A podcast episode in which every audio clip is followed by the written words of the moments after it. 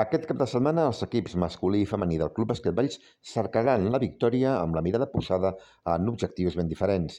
A Lliga EVA, el Club Bàsquet Valls Òptiques Teixidor, pràcticament, encara que no matemàticament, ja ha dit adeu a poder jugar el play-off d'ascens a l'E Plata i per això intentarà guanyar el seu partit per garantir-se, com més aviat millor, una més que meritòria tercera plaça. Per la seva banda, a Copa Catalunya, el femení Club Bàsquet Vallsdic lluitarà per fer realitat el somni de la salvació de la categoria, que està molt difícil però també matemàticament no impossible. El Club Bàsquet Valls Òptiques Teixidor es desplaçarà aquest dissabte a Saragossa per visitar la pista del Quarte de Huerva, on jugarà a un quart de set del vespre.